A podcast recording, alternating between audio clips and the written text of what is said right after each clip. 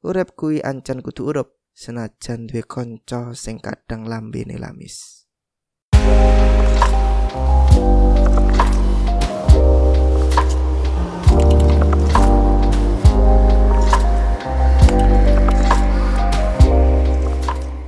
Hai semua, selamat datang di podcast Kebun Cerita.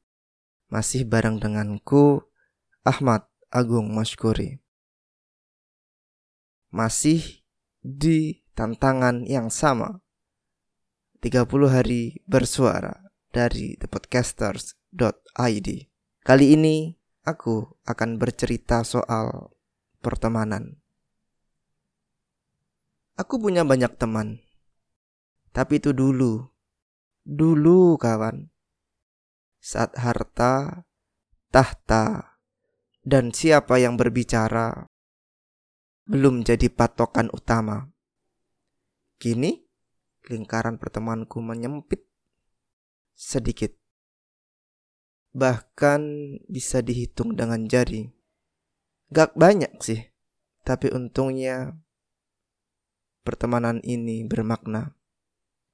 Sekarang aku bisa membedakan mana kawan, rekan, atau sebatas teman saat dibutuhkan doang lalu pergi dan aku ditinggal sendirian. Ketika kesuksesan itu datang, mereka akan bilang, "Kamu telah berubah."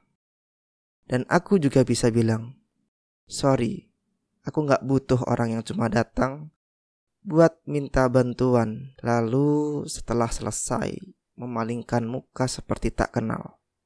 Pernah bertemu orang seperti itu? Aku banyak. Tapi akhirnya nothing tulus.